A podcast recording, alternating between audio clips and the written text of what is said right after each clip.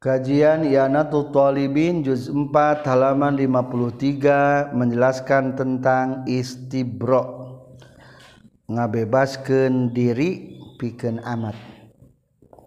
Bismillahirrahmanirrahim. Alhamdulillahirabbil alamin. Allahumma shalli wa sallim wa barik ala sayyidina wa maulana Muhammad wa alihi wa sahbihi ajmain. Amma ba'du. Qalal mu'alifu rahimahullah wa nafa'ana bi'ulumihi. Amin ya Allah ya rabbal alamin. Far'un ari ieu eta hiji cabang. Fi hukmil istibra'i dina netelakeun hukumna istibra' Istibro menurut lugat adalah tolabul baroah nyupri ngabebaskan diri. Istibro ayana hanyalah diamat. Lamun iddah mah dina waktu ditolak ari istibroma masa-masa penantian amat ku pedah rek ganti majikan. Umpama tah didinya aya masa-masa istibro wa huwa jeung ari istibro syar'an menurut syara tarabbusun eta ngadago biman ka amat fiha anu tetap diman rikun ari ayah sifat keabidan ingda wujudi sababin dina nalika ayana sabab mimma tina perkara yakti nu bakal datang itu emak. Lil ilmi karena pikeun nganyahokeun untuk mengetahui bibaroati rahmiha kana bebas rahimna itu si eman. atau amat. Auli ta'abudi atawa pikeun ibadah. Istibro adalah masa penantian pikeun amat. Di mana-mana ayat sabab-sabab anu ngudukeun kana istibro. Engke aya dua sababna. Non sababna kudu ditangguhkeun heula? Sabab supaya mengetahui benar-benar rahim nate bebas. tepat campur cair mani. Atau lamun geus tua alasanana lain libaraati rahmiha tapi li ta'abbud hanyalah semata karena perintah ti Allah baik. Berarti nilai ibadah pikeun eta amat ku istibrokna. Jadi sabab-sabab istibrokna aya engkenya. Aya sabaraha aya dua. Atau orang bocorana orang dugikeun istibro ayat dua sabab hiji bimilkil amat. Ku sabab anyar ngamilik amat. Reku jalan naon bae. Lamun orang mimiti boga amat tah di istibro heula. Lamun lauk mah diberok heula gitu. Soalnya khawatir bisa tak amate pacampur caimani jeng dari Said yang pertama. Dua kuzawalul virus legit amparan. Kurang melengit pemakaian beranya asal dipakai ku si anu nama ke orang contoh seperti jahit boga amat anu geus diwati ku jahit tuluy rek dikawinkeun ku jahit ka maka eta Zaid ulah waka langsung ngawinkeun tapi kudu diistibrohela lamun langsung dikawinkeun maka eta nikah henteu sah. Ngan lamun amatna rek dijual mah eta sunnah ngaistibrona da anu wajib ngaistibrona mah anu melikna jadi simpulna istibro adalah masa-masa penangguhan amat dengan ayat dua sabab. Maka sabab tersebut kumusanipun pun di, di, dijelaskan. Yajibu wajib non istibroun istibro. Asal logatma ngabebaskeun rahimna si amat. Lihilli tamattu'in pikeun halalna di alap suka tazwijin atawa pikeun dikawinkeun. Bimilki amatin ku sabab ngamilikna amat wala mu'tadatin jeung sanajan anu keur gawe iddah. Bisyira'in ku sabab meuli awarisin warisin atawa nampa warisan. Awasiyatin wasiyatin atawa wasiat. Aw hibatin atawa pamere ma'aqabdin sarta geus ditampa. Aw sabin atawa ku sabab diboyong.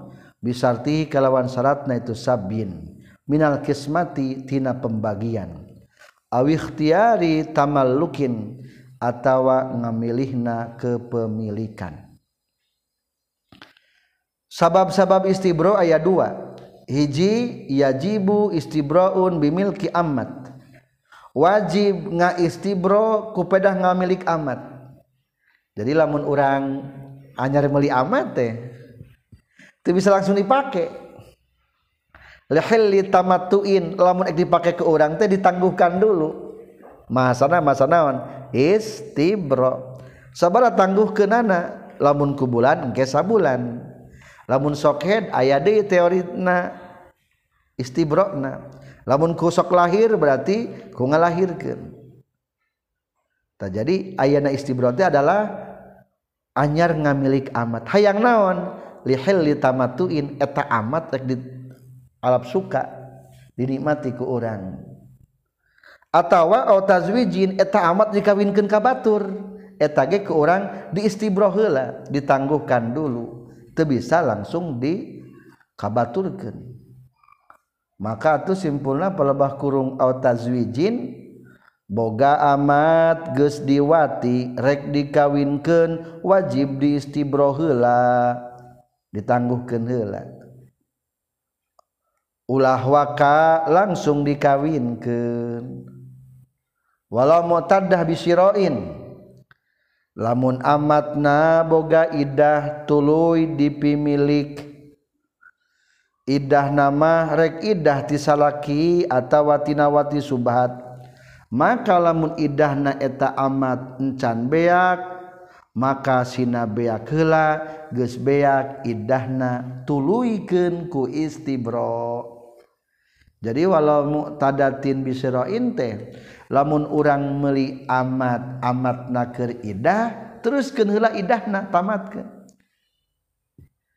tamat idahna berarti ayat wajib kedua nyata kudu istibro. Awarisin atau boga amat hasil warisan ti bapak Angger eta ge diistibro heula. Lamun lauk mah tas ngalatil balong tanya diberok ulah waka dikonsumsi alus nama sing sina kaluar heula kotoranana. Tah ieu kitu. Diistibro ari kaamat mah istilahna. awasiyatin wasiyatin atawa dibasiatan. Oh hibatin maqabdin aya nu mere amat ulang langsung dipake diistibro heula. Sabiin bisartihi minal kismah dibere pembagian ngan kebenaran orang mah kabere amat. Aw ikhtiyari tamalukin atau sengaja memiliki amat. Sami eta ge kudu istibro. Kumanda ieu mah amatna geuletik keneh geus pasti moal hamil ieu? Wa in tayaqona jeung sanajan yakin naon bara'atur rahmin lubar narahim kasogirotin sepertikan budak anu leutik kene wabikrin jeung parawan. Wasawaun jeung sarua bae amala kana ngamilik hakaeta si amat teh. Sahamin sobiyin ti budak leutik awi mruatin atawa ti awewe. Omin baiin atawati anu ngajual. Istabroa anu geus istibro itu si bai haka eta amat qoblal bai dina samemeh dijualna. Fayajibu mangka wajib bimaina perkara dukiro carita ke itu ma binisbati kudu hubungkeun li hilli tamattu'i pikeun halalna di alap suka. Fayajibu pailna kana istibro maka wajib istibro dina perkara nuges caritakeun. Sabab dihubungkan jeung kana ngahalal nangawati jadi tetap namanya istibro adalah hak keharusan. Sanajan eta amate milik budak awewe letik maaf eta amate letik anger. Atau parawan kene can anu make maksud parawan berarti anger kudu diistibro atau ganti pemilikan teh asal nama milik budak ayeuna ku urang. Anger susanajan secara logika budak detik matara berarti ieu mah li ta'abbudnya maksud tara tara tarawati. Atau eta amat nu sayidahna dimiliki ku sayidah moal dipakari ku sayidah mah. Tetap kudu istibro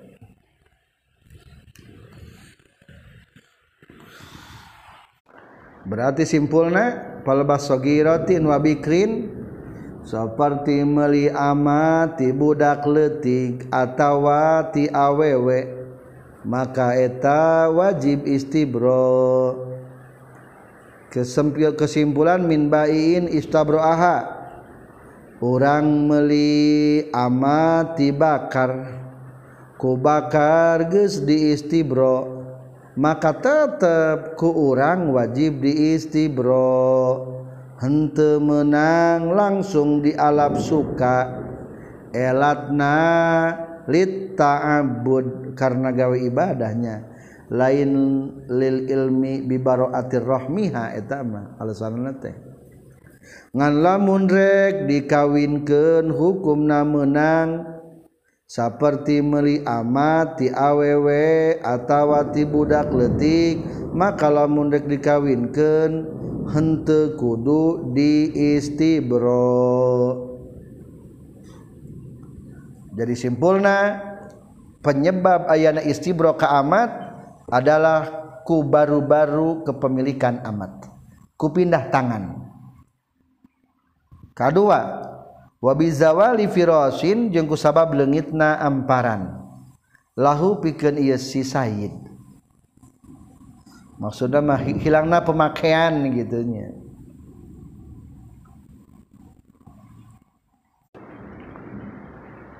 an amatin ti amat namotu atin anu pernah diwati. Garu mustauladatin anu lain amat mustauladah Aw mustauladatin atau amat mustaulada ya biitkiha kalawan kusabab ngamerdekakeun ka itu mustauladah ay biitaki sayyidi tegas nama ku ngamerdekakeun sayyid kula wahidatin kasaban-saban sahiji min humati itu ummah amat mautuah au mustauladah aw mautihi atau aku sabab mautna itu si Said la teu wajib istibro ini istabroa lamun geus ngaistibro itu sayyidna kubaila itakin dina sameme sakedeung deui ngamberdekakeun. Gueri mustauladatin anu lain amat mustauladah mimman nyatanati amat amat zala anu leungit an hati ti eman naon al ifirasu amparan. Fala yajibu mangka tewajib itu istibrona bal tutazawwaju balik tadi kawinkeun itu si amat halan pada harita. Izla tashabuha karena izla tasbahu karena te saliru itu saha hadihi ya si guer mustauladah alladzi astabroaha sayyiduha manku hatan ka amat anuges ditikahkan bikhilafil maustuladi dati kalawan berbeda jeng amat mustauladah sabab kedua tina wajib istibro lamun tadi mah anyar memiliki am amat ayeuna mah hilangna virus zawalul virus lengitna pemakaian. Eta amat teh rek diperdekakeun. Atawa rek dijual hilang amparan ti sayidna maka kedua hukumna wabizawali firasin lahu. Karena hilangna amparan pikeun sayidna. Tisaha an amatin matuatin lamun amatna geus pernah diwati. Lamun amat diperdekakeun ku sayidna. Eta amat kudu ngaistibro dirina sorangan. disebutna zawalul piros jadi hari tadi mah pindah kepemilikannya hari ayeuna mah lain pindah hilang. Asalna amat ngan tiba-tiba diperdekakeun. Tah si amat teh. Lamun hayang kawin teh ngaistibroh heula diri sorangan. Lamun amat diperdekakeun ku sayidna eta amat kudu ngaistibro diri nasorangan dalam kurung zawalul piros. Hijita kedua atau amat mustaulada. Biitkiha atau eta amat boga anak ti sayidna ari amat mustauladate amat boga anak ti sayidna atau eta amat boga anak ti sayyidna tuluy sayyidna maut. Otomatis merdeka maka eta amat langsung jadi merdeka ku maut sayyidna. Atuh eta amat kudu istibro diri na sorangan. Jadi nomor dua iya mah zawalul piros hilang na amparan teh berarti ayeuna mah ku sabab merdekanya tinggal biit kia.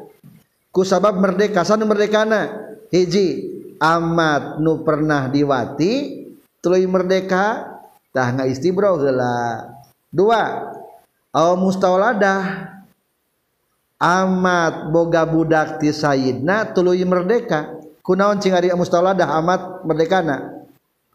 Mautihi jadi palebas syarat sarah biitaki sayyidi kulla wahidati min humate ieu teh lap nasar murattabnya lamun diperdekakeun mah berarti jang amatin mautuah lamun mautihi mah berarti jang amat mustaladah. Ari umat mustaladah mah langsung. Begitu maut sayyidna teh jadi merdeka. Tah barang begitu merdeka teh ulah wakahayang kawin. Istibro diri heula ngabebaskeun diri. Ukuran istibro nang ke aya. Aya nuku bulan aya nuku nget sabulan aya nuku sucian satu kali sucian ayah nukur hamil sampai melahirkan. La ini stabroa kubela takin goero mustauladah tapi lamun nulain mustauladah ieu mah lain nulain mustauladah lamun memeh diperdeka kerana geus diistibro teu wajib ngaistibro deui eta mah. Ku salaki teh ku majikanana can diperdekakeun geus ditangguhkeun heula sabulan. Oh berarti eta mah teu kudu istibro deui. Atung kana mah diperdekakeun teh bisa langsung kawin cekasana lamun hayang kawin. Fala yajibu bal tatazawwaju halan. maka teu wajib istibro bahkan boleh langsung menikah. Atau simpulna la ini stabroa kubela itakin. Amat anu geus diwati ngante boga anak. Same meh ku sayidna di istibro heula tegesna henteu diwati. Di istibro teh diwati.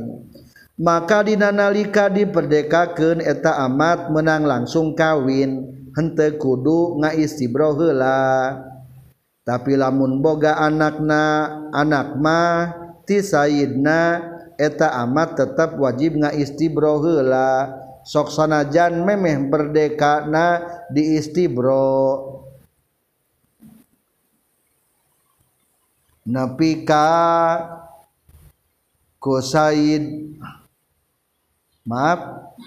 Memeh diperdekakeun di istibro heula ku Sayyidna. Elatna karena eta ma seperti pamajikan. Jadi simpulnya sabab na istibro ayat 2 hiji beralih kepemilikan kedua amat diperdekakan gitu. Beralih kepemilikan kedua ku sabab diperdekakan ayat istibro izla tusbihu hadihi karena te menyerupai ia amat nu lain mustauladah. Anu geus diistibro ku sayyidna memeh diperdekakeun. Mankuhatan ka istri anu ditikah. Kan istri nu ditikah geus seolah-olah aya naona aya idahna takulantan ieu mah geus diistibro anu wanita nu guer mustauladah mah maka hukumna teu kudu istibro deui. Bi khilafil mustauladah berbeda jeung amat mustauladah eta mah kudu ngaistibro deui. Sabada diperdekakeun ti sayyidna tehnya. Meskipun memeh sayyidna maot geus tara tarolah geus diistibro istibro soalna ari amat mustauladah mah serupa jeung geus tikah teh tadi genya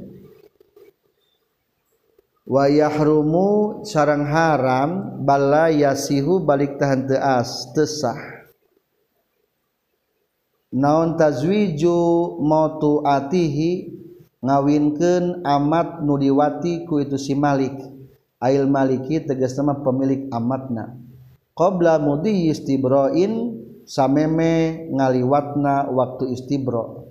Hazron karena siun minahtilatil ma'aini karena campurna dua caimani amma guru mautu atihi anapun ari anu teu diwatina ku si Malik fa ingkanat mangkalamun kabuktosan itu si amat guer mautuah. gueru mautuatin eta henteu diwati li ahadin pikeun salasa urang falahu mangka eta tetep pikeun itu si guer mautuah atau falahu mangka tetep pikeun itu si malik tazwijuha ari ngawinkeun ka itu si guer mautuah mutlakon kalawan mutlak. Au mautu ata guerihi atawa anu diwati kusalianti itu si malik. falahu mangka tetep pikeun itu si Malik tazwijuha ari ngawinkeun ka itu si Amat miman nyatana ti jalma almau anu ari cai manina minhu eta ti iman wa kadza jeung etanya kitu deui falahu tazwijuha min guarihi tisalianti itu mimmanil ma'u minhu. ingkana lamun kabuktosan non almau caimanina ghairu muhtaramin eta anu teu dimuliakeun ku hukum syara aw madot atawa geus ngaliwat non muddatul istibra'i mangsana istibra minhu ti'man. Walau ataqo jeung lamun ngamerdekakeun itu si Malik mautu atahu ka amat nusok diwati ku itu si Malik. Falahu maka tetap pikir itu si Malik nikahuha hari nikahna itu si amat bila istibroin kalawan tekudu di istibro. Melanjutkan nu tadi. Lamun awewe hilang atau baru-baru rek kepemilikan amat beralih majikan atau rek dikawinkan kudu istibro heula ditangguhkan. atau simpulna maka haram. Lamun langsung dikawinkan tadi istibrohela wa yahrumu balla yasihu tajwiju mautu atihi. Amat nusok diwati ku malik ku pemilikna haram. Bahkan tesah dikawinkan sebelum diistibro hela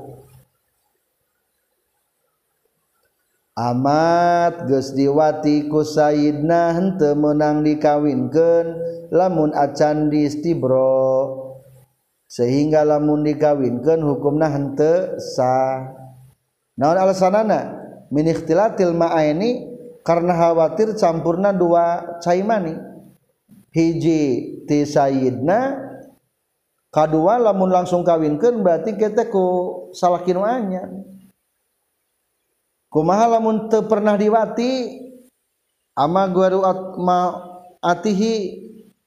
Maka jawabanana a fa in kana guru atin li ahadin falahu tazwijuha. Lamun eta amat ge lai kuat kubatur teu pernah diwati kusorangan teu pernah diwati maka eta mah hukumna menang dikawinkeun secara mutlak. Falahu tazwijuha mutlakon. contoh Zaid meli amati bakar. Eta amat can pernah diwati kusa urang-urang acan. Maka eta Zaid menang ngawinkeun ka eta amat ka sahabae. Tuh. Da eta mah pernah diwati ku sahabae. lamun eta amat geskungsi diwatiku bakar maka eta amat ku Zaid menang dikawinkeun ka bakar. Kalawan hente diistibrohela tapi lamun eta amat hamil ladang zina maka eta Zaid menang ngawinkeun amat kasahabae kalawan hente diistibro. ulangi terapkan karena kata faingkanat garu mautua li ahadin lamun awe eta amal can pernah diwati ku sahabae falahu tazwijuha mutlakon. Dikawinkeun ka sahabae ge meunang. Can pernah diwati berarti teu diistibroh heula kadua au mautu ata guerihi atawa pernah diwati ku batur. jaid meli amati bakar ariku bakar geus di pake. Geus pernah di istibro deui. Ngan ayeuna mah dibeli ku Zaid ku Zaid mah teu pernah. Tah lamun dikawinkeun di ka bakar mah meunang palahu tazwijuha mimmanil ma'u minhu. Maka eta amat anu pernah diwati menang dikawinkeun kanu ngawatina nyaeta bakar. dasar lagi meliti bakar jengges di istibro. Atawa c wa kaza min guerihi ingkanal ma'u baru muhtaram ariku bakar mah geus di istibro emang pernah diwati. Ngan geus di istibro. Ari barang geus di istibro dijual kajahit kari-kari aya ngajinahan batur. Ari dijirahan ku batur mah berarti teu taya istibroan. Dah hasil jinah mah lamun di nomor dega ge eueuh idahan. Tah atu wakada min guerihi ingkanal alma guerul muhtaromin. Jadi maksud gina guerul muhtarom teh caimani ladang zina. Aw madot muddatul istibro'i minhu. Tah berarti eta mah hukumna meunang. ngan lamun eta amat nazina menang dikawinkan kasaha baik datu berpengaruh hari kujinah mahnya walau atako jeng lamun ngamerdekakeun itu si Malik motu atahu ka amat nu diwati ku si Malik. falahu mangka tetapikeun si Malik nikahuha ari nganikahna eta si amat bilastibroin kalawan teu make istibro. Tapi lamun eta amat ek dipake ku sorangan ek dikawin maksud teh. Merdeka maneh amat eta mah kulantan yang dikawinen urang ku sorangan teu aya istibroan. Amat diperdekakeun ku sayidna maka menang piken Sayyidna ngawin kaeta urut amat anuges merdeka. Kalawan tekudu di istibro dahanca manehanana. Kalawan walina hakim. Tapi lamun eta amat kawin ka lain urut Sayyidna eta mah wajib di istibro sarta walina anu ngamerdeka kenana sakumaha ringa istibronya. Wahwa jeung ari itu istibro ukuran menangguhkan lizati akroin pikeun amat anu ngabogaan sucian tegas nanu sok head haidotun eta sakali hedan. Kamilatun anu sampurna. Fala takfi maka teu cukup.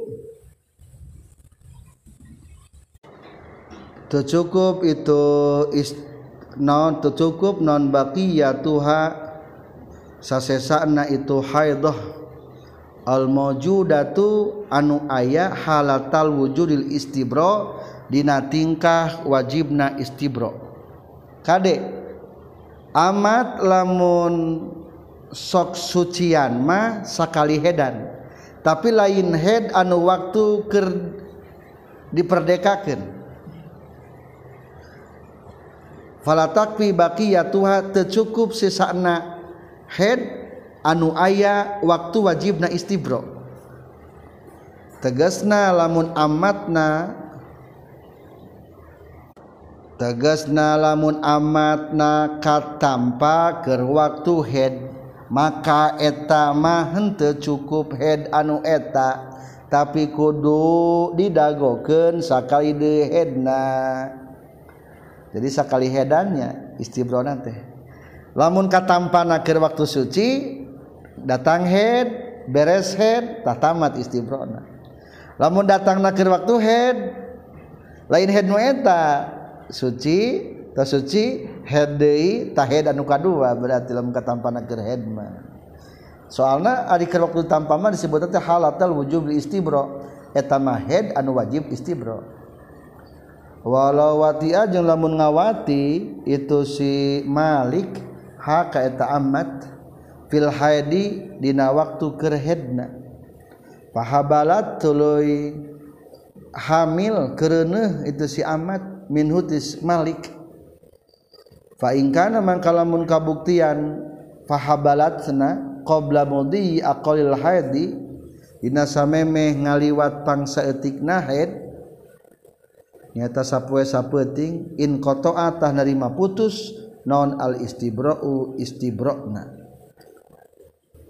Wa bakia jeung tumatab non at-tahrimu haramna ilal wad'i nepi ka ngalahirkeun. Kama habalat sapertikeun hamil itu si amat min wad'ihi tina ngawatina itu si Malik Wahia bari ari itu si amat teh tahhiratun eta anu suci. Wa in habalat jeung sanajan hamil itu si amat ba'da mudi aqallihi tidak sabada ngaliwat pangsaeutik nahed kama kafa tah cukup. Itu ngaliwat pangsaeutikna istibro kafa tak cukup itu aqallihi fil istibra'i dina istibra. Limudi haidin karena geus ngaliwatna haid kamilin anu sempurna laha pikeun itu si amat. Qablal hamli dina sameme hamil. Masih i'anatul talibin juz 4 halaman 56 selanjutnya kumaha lamun eta pemilik amat teh ngawati eta amat dalam keadaan head maka musani menjelaskan walau watia jeung lamun ngawati itu malik ha ka amat. Fil haidi dina waktu head pahabala tuluy reuneuh itu amat minhu ti malik atau ti sayyidna. Fa in kana mangkalamun kabuktian itu habalatna reuneuhna qabla budiyi aqalil haidi dina sameme ngaliwatna pangsaeutikna haid nyaeta sameme sapoe sapeuting in qata'a tah putus naon al istibra'u istibra'na. Wa baqiya jeung tumattab naon at-tahrimu haramna eta amat pikeun eta Sayyidna ilal wad'i ka nepi ka ngalahirkeun. Kama habalat seperti hamil itu amatna min wat'ihi tina akibat watina eta malik. Maksudna sayyid wahia bari ari itu amatna tahiratun eta anu suci.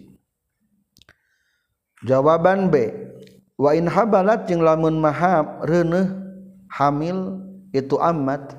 Ba'da mudhiyi aqallihi dina sameme ngaliwat pangsa dina sabada ngaliwat pangsa etik nahed kafatah cukup. Fil istibra'i dina istibra'na li mudhiyi haidin naon bi mudiyyi haidin ku ngaliwatna jaman haid kamilin anu sampurna. Laha pikeun itu amat. Qoblal hamli dina samemehna hamil.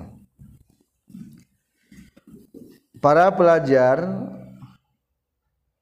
tadi menjelaskan tentang lamun eta amat sok head istibrona cukup satu kali head.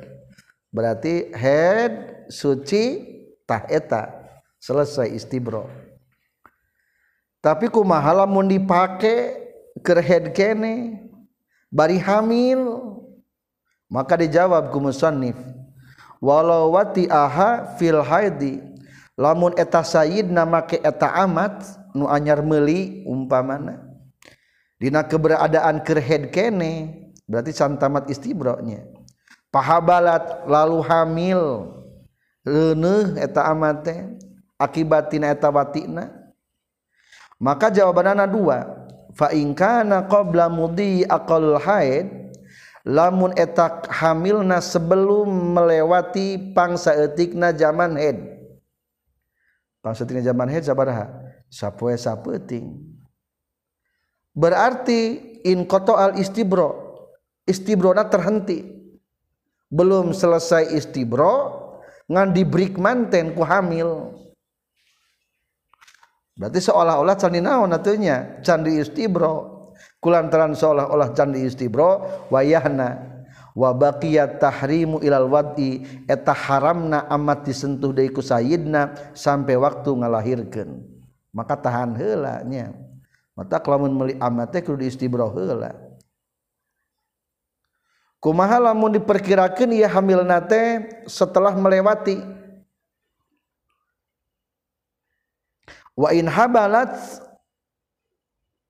ba'da mudi aqallihi kafafil istibro tapi lamun eta kehamilan amat setelah melewati paling sedikit head pang sedikit naik sahed sabaraha? Sapoe sapeting. Ngawati nate umpama teh geus lewat sapoe sapeting. Dan hamil berarti eta mah cukup istibrona tidak terhenti. Barang begitu jet wati teh langsung hamil berarti etama diperkirakan headnya sudah selesai. Tenaon-naon jadi ulangi.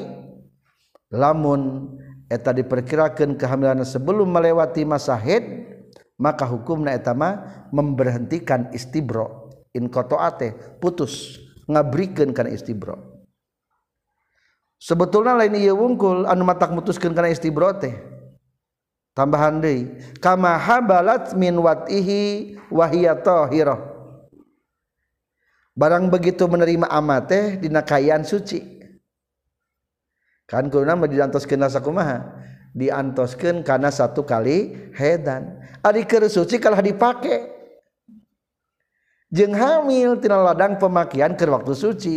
Kama habalat min watihi wahia tohiro eker suci diwati nepi kahamil padahal belum diistibro eta gesami ngabrikeun kana istibro haram eta amat sampai ngalahirkeun. Mata kudu diistibro heula.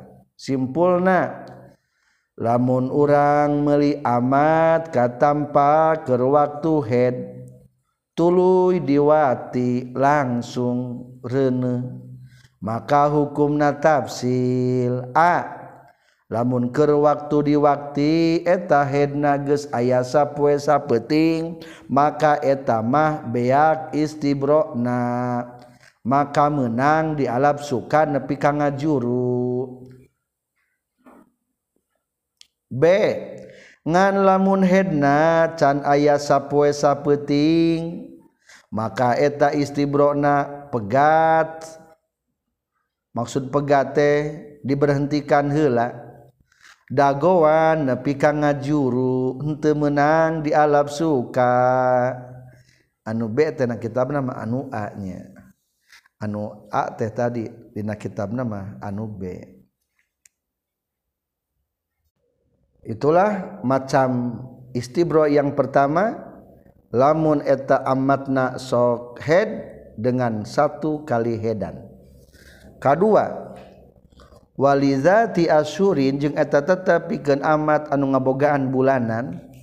Min sogirotin nyatanati amat nu leutik keneh au ayisatin atawa amat anu tos putus hedna. Sahrun ari sabulan. Kedua lamun amat tarahed faktor tarahed teh mungkin ti qudratna tarahed atau mungkin min sogirah leutik keneh atau mungkin Aisyah etama istibrona sakumaha sabulan tangguhkeun. Ari Aisyah mah terus 50 tahun umpamana eta amatna. Atau 62 tahun relatif kumaha amatna. Ta eta mah lamun tara hidmah hitungkeun sabulan. Tapi kumaha mengker sabulan teh kalah-kalah keluar head? Oh eta mah pindah istibrona sanajan tinggal 5 poe deui umpamana geus 20 50 poe eksa bulan ngan kaburu head berarti wayahna antoskeun kana seepna darahed hayang bisa halal tamattu teh. Terakhir katilu kumaha lamun eta amat keur hamil? Sampai kapan istibrona wali hamilin jeung eta tetep pikeun amat anu keur hamil la tak tadu anu teidah itu si amat bilwati ku ngalahirkan ay biwat ilhamli tegas nama ku ngalahirkan ka kandungan.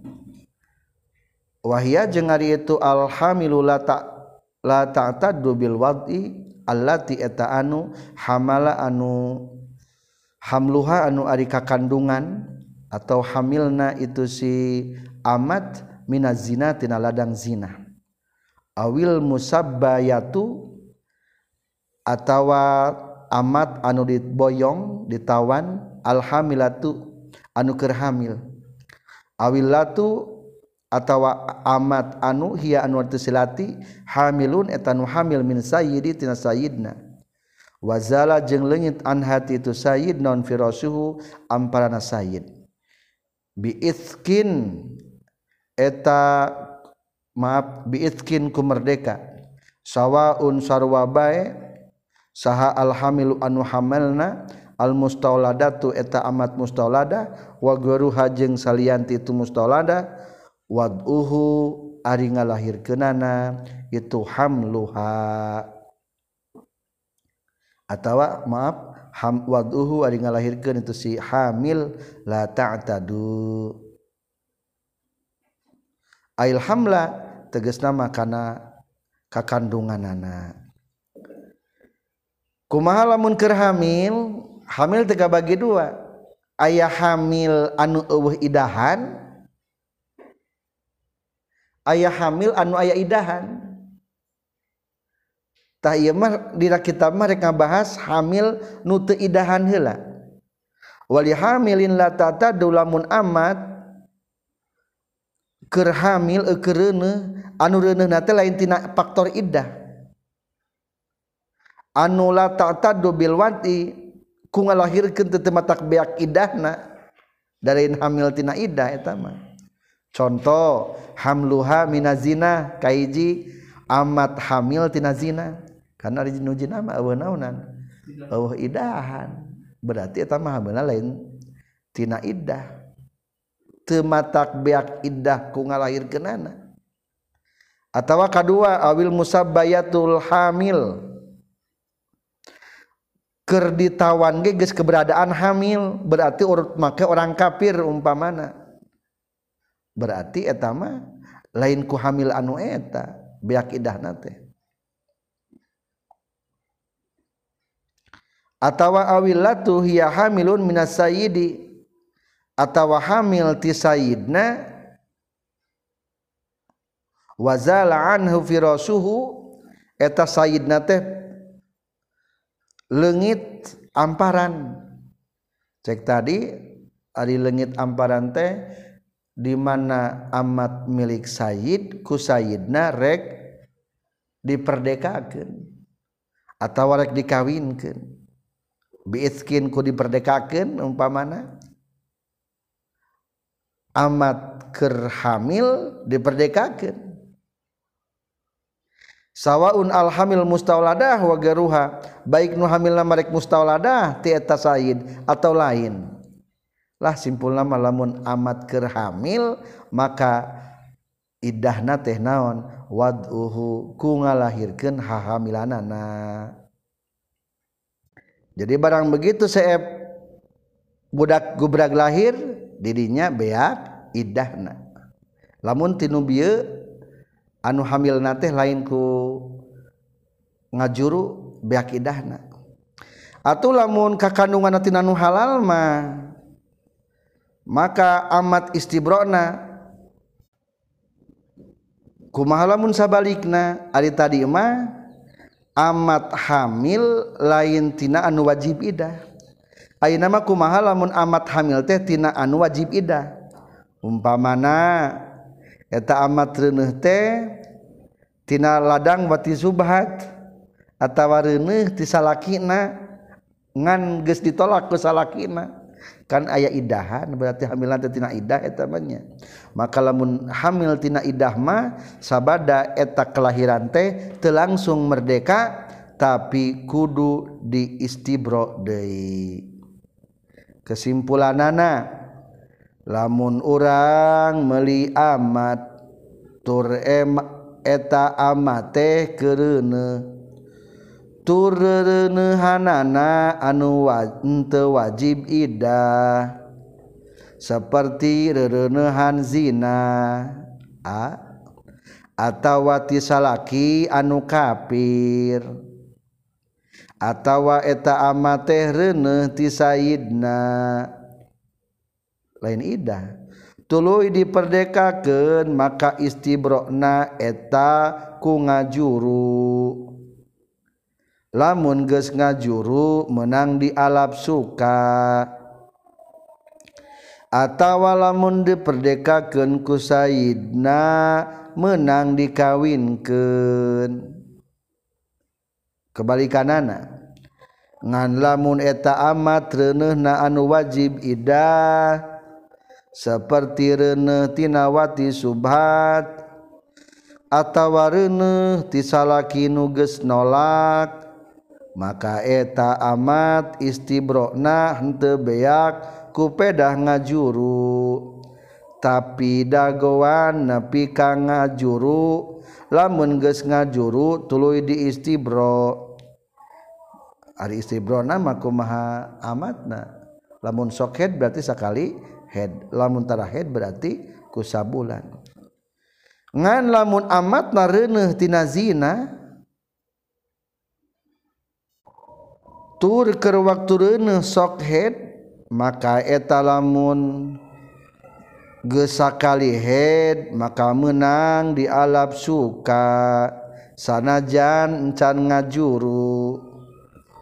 atawa lamuntara hidma asal gesa bulan menang di alap suka. Penambahan etamanya jang amat anu hasil jina renehna Farun ari ieu eta hiji cabang lawistara lamun meuli jalma nahwa wasaniyatin kana saumpamana kafir wasaniyah a murtadatin atau kaseumpah mana kafir amat murtada pahaldo tulu itu wasania hari wasania mah kafir penyembah berhala.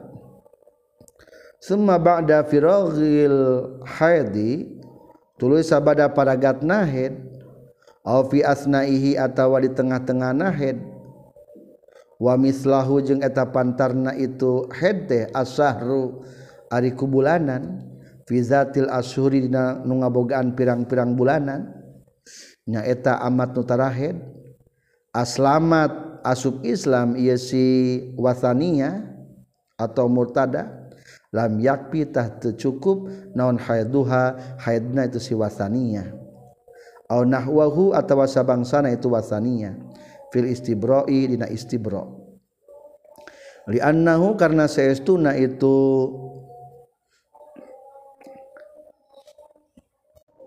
head la yasta'kibu. Eta henteu badan itu head hilat tamattu'i kana halalna ngalap suka. Lamun materi tipayun sebetulna teu sakabeh amat bisa dialap suka. Anu bisa dieks alap suka mah amat anu wasani anu kafir kitabinya. Amat anu nyembah berhala mah teu bisa dialap suka. Atau jadi masalah tekil lamun orang meli amat amat wasaniyah kafir penyembah berhala. Atau amat anu murtad. Tuluy head. Summa ba'da firogil haidi. Cing cek asal pokok mah tuluy head berarti geus beres istibrona menang teu dalam suka ingat ariwasan ya mah teme temenang ngan aya nu ngamenangkeun kieu summa ba'da firogil haidi aw fi asnaihi. Keur tengah-tengah head atau boleh gestamat head atau boleh eker pertengahan bulanan-bulanan menjalani istibro asup Islam. Berarti ariku Islam menjadi matak nawan matak menangawati tah hukumna lam yakfi haiduha haid nu eta mah teu cukup jang eta amat istibro untuk dialap suka. Lam yakfi haiduha teu cukup ku had eta siwasaniyah anu eta. Fil istibroi dina nyukupkeun istibro sehingga sah dialap suka. atau kumaha kuruna lamun hayang bisa dialap suka? Wayahna antos deui sakali he hedan. Soal supaya halal tamattu. Da head anu etama head dina kayaan ker wasania atau ker murtada sedang ke dari ker wasania jeung murtada mah tesa dialap suka nage. Zaid meli amat wasaniyah atawa amat murtad tibakar. Dina waktu suci. Tuluy head tuluy asub Islam. Maka eta istibrona eta amat mah henteu cukup ku head anu tadi. Da kekayaan kafir nu tadi mah. Maka eta mah kudu nyieun istibro deui.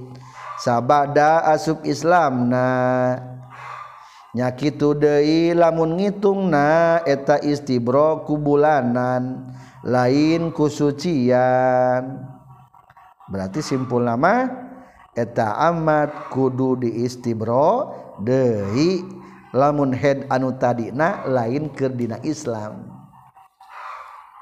Atau ke pertengahan kafir atau kerdina kafir. Tercukup etam istibrokna. Tapi dengan syarat tadi wasaniyahnya. La yastangkibu teu ngabadaan eta hedna halal tamattu'i kana halalna ngawati allazi anu huwa anu ari nya eta tamattu teh al qasdu eta tujuan fil istibra'i dina istibra ari pangna ke istibra hayang naon cing? Kan hayang ngawati. Tah istibra eta mah jadi.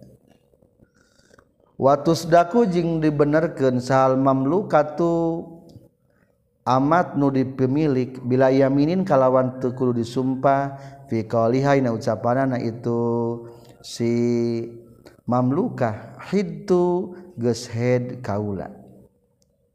Li annahu karna saestuna itu masalah head la yu'lamu teu bisa dikanyahokeun itu head illa minha kajabati itu mamlukah catatan kahiji.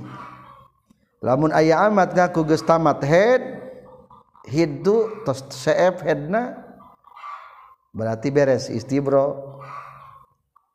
Tekun sumpah berarti halal dibenarkan eta amat tinggal dipakainya eta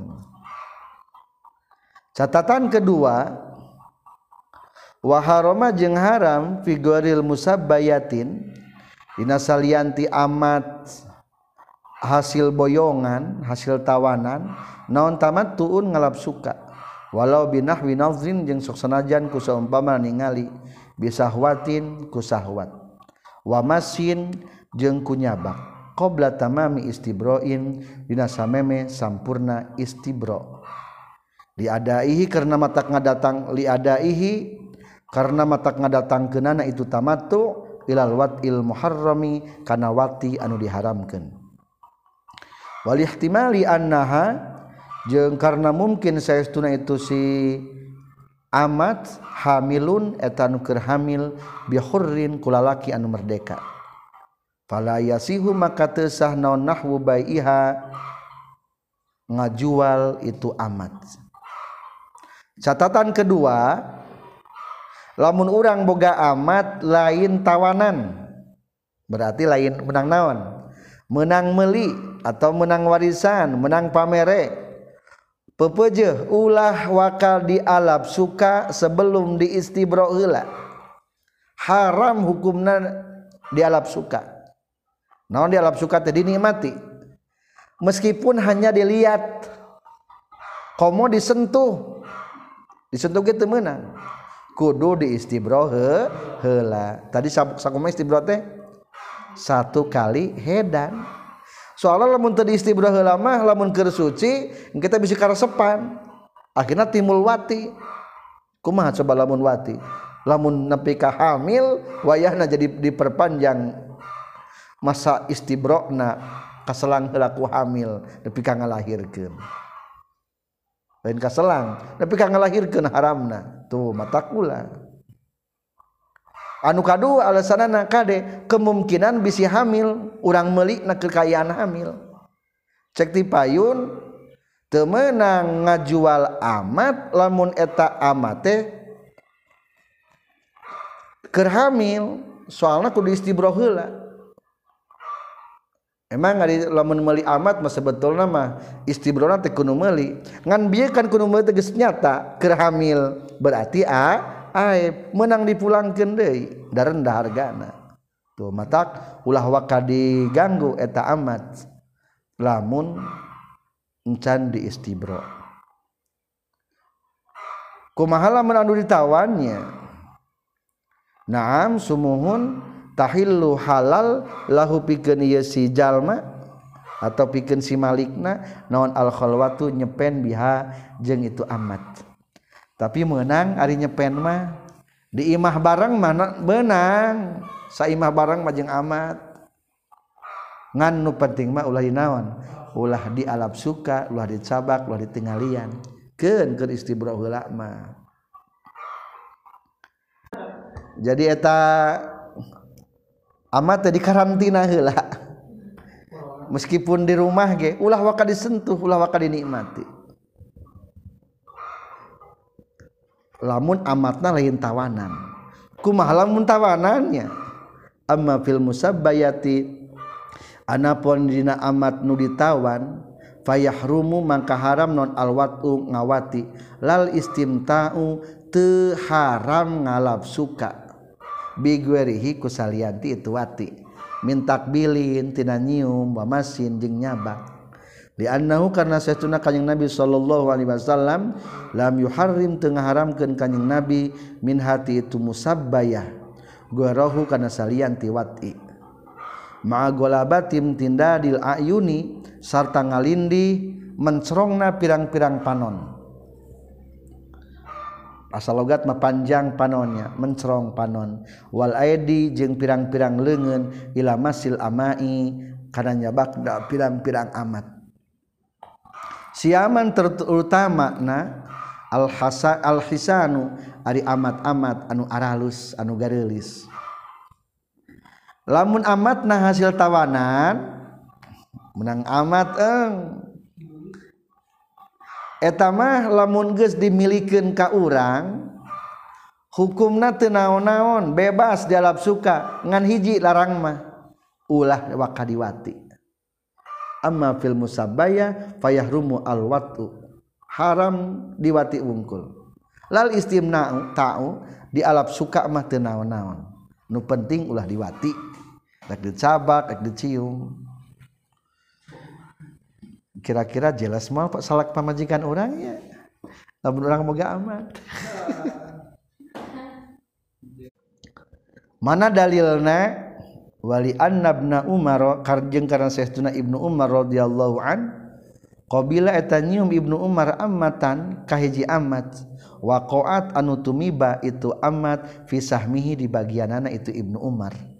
Min sabaya autos tina pirang-pirang tawanan perang autos. Ternyata Ibnu Umar ge pernah. Barang begitu menang bagian amat anu rada hade eta ku Ibnu Umar langsung ditangkep. Dicium. Tapi dages teu aneh para sahabat ge. Da emang menang kitu. Teu aneh kan? Wa qissatu ibnu umar radhiyallahu anhu ittafaqa anna wahidah subiyat min nisaihim. Salah satu daripada wanita perang autos aya tertangkap. Akhirnya barang kenging jadi bagian Ibnu Umar falamma nazara anaqaha ka ibrikin aw sayfin fiddah. Maka eta ku Ibnu Umar teh dirangkul eta amat anu jadian bagian anjeunna. Jalma-jalma geuna ningali tapi tak anu ingkar saurang oge. Naon sababna? Geus ngajadi ijma sukuti. Kesepakatan tapi diam-diam gitu.